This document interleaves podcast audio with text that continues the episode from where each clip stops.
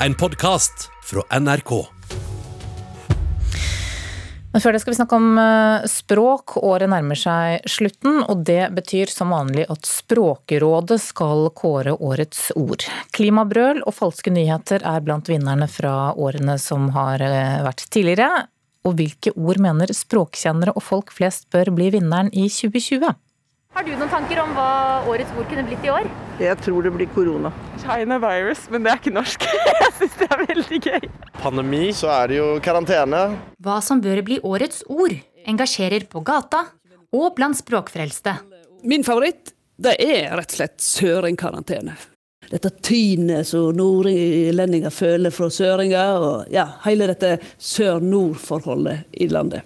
Linda Eide fra TV-programmet Språkshow har flere forslag. Klappaksjon og hostebot og koronayoga.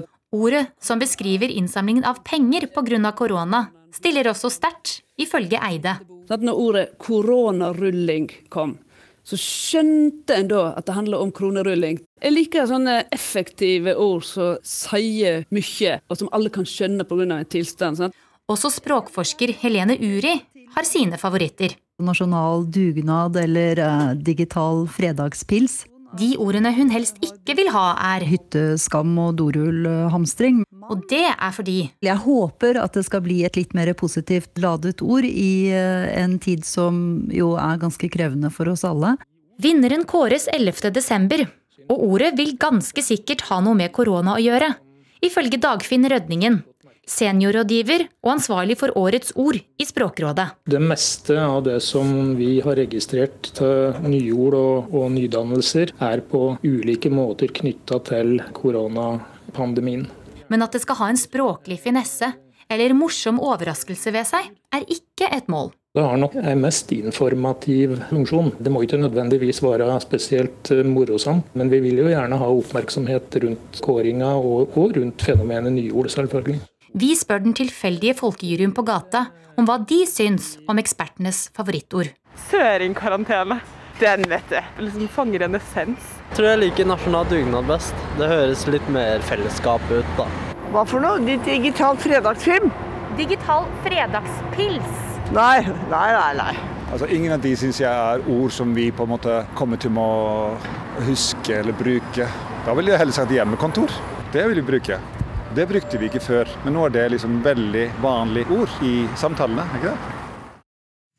Reporter her, det var Kristin Sverre Østensvik.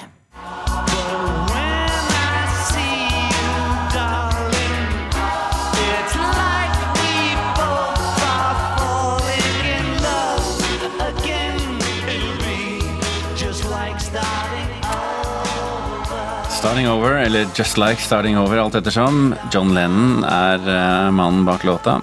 I morgen, 8. desember, er det 40 år siden han ble skutt og drept.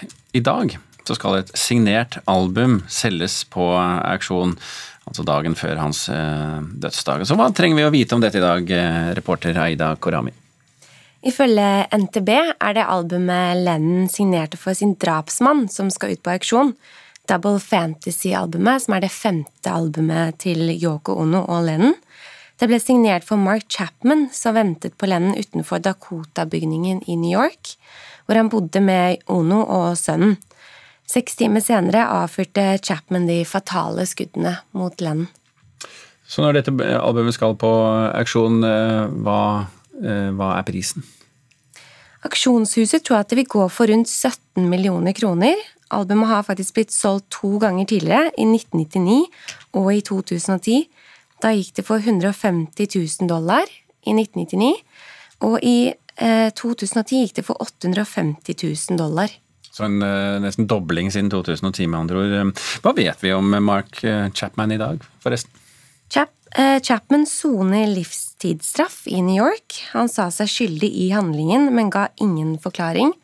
Det var først senere han hevdet det var fordi Lennon i en sang sa han ikke trodde på Gud, og Chapman var selv kristen. Senest i sommer fikk 65-åringen avslag på sin ellevte søknad om prøveløslatelse. Og i morgen er det altså 40 år siden John Lennons død. Blir det noen markering? Det er ventet en markering utenfor det samme boligkomplekset i New York, der Yoko Ono fortsatt bor. I oktober var det flere markeringer for Lennon på det som ville blitt hans da 80-årsdag. Blant annet lyste opp tårnet i Empire State Building i New York. Mm.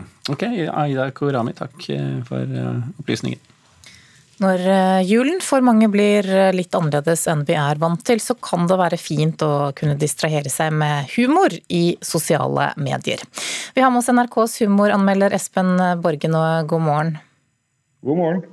Du skal gi oss dine anbefalinger til humorkontoer og følge på Instagram. Og for de som ikke har helt oversikten, hva er en humorkonto på Instagram? Altså En humorkonto på Instagram kan jo være enten kontoen til en veldig kjent komiker.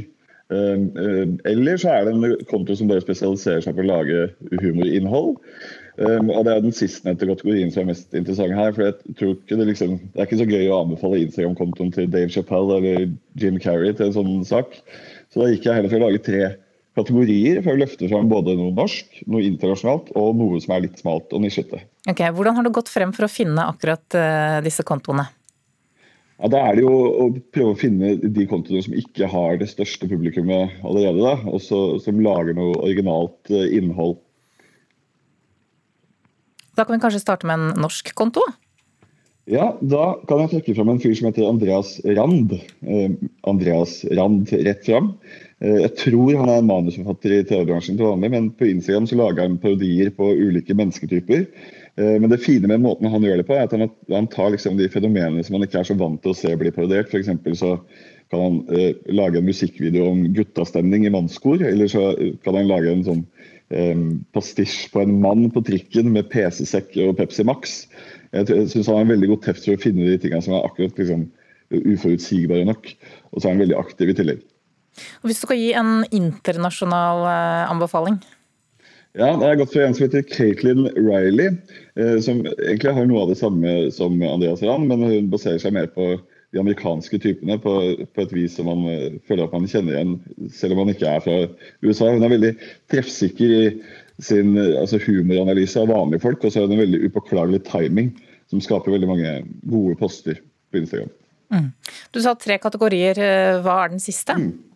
Ja, den siste er litt sånn sær nisjegreie, litt, litt smalere saker. Eh, men min personlige favoritt kanskje av alle disse kontoene er en konto som heter Beam Me Up Softboy. Eh, det er altså en konto som samler på litt sånn tragikomiske sjekkereplikker fra veldig selvsikre og selvhøytidelige gutter som koketterer veldig ufordragelig når de skal sjekke opp folk. For så kan du hevde at det er et veldig stilig personlighetstrekk og har hørt om Quentin Tarantino. og at eh, kanskje ikke er så, altså De tror at det ikke er så mange kvinner som har hørt om Quentin Tarantino. Eh, så da kan de også eh, finne på å si at eh, hvis, hvis du ikke kan nevne topp tre Tarantino-filmer, så er du ikke en god nok partner. Og så kan de finne på å si at du, du minner meg om Paris, uten et snev av ironi. Så det er en fantastisk konto som samler masse digitale dra-til-tryner som du kan heve deg over. Mens uansett hvor dårlig du er på å sjekke opp folk, så er du bedre enn dette. her, altså. Ok, Takk skal du ha, humoranmelder Espen Borge. Du kan lese hele saken på nrk.no og se flere anmeldelser på nrk.no anmeldelser. Du har hørt en podkast fra NRK. Hør flere podkaster og din favorittkanal i appen NRK Radio.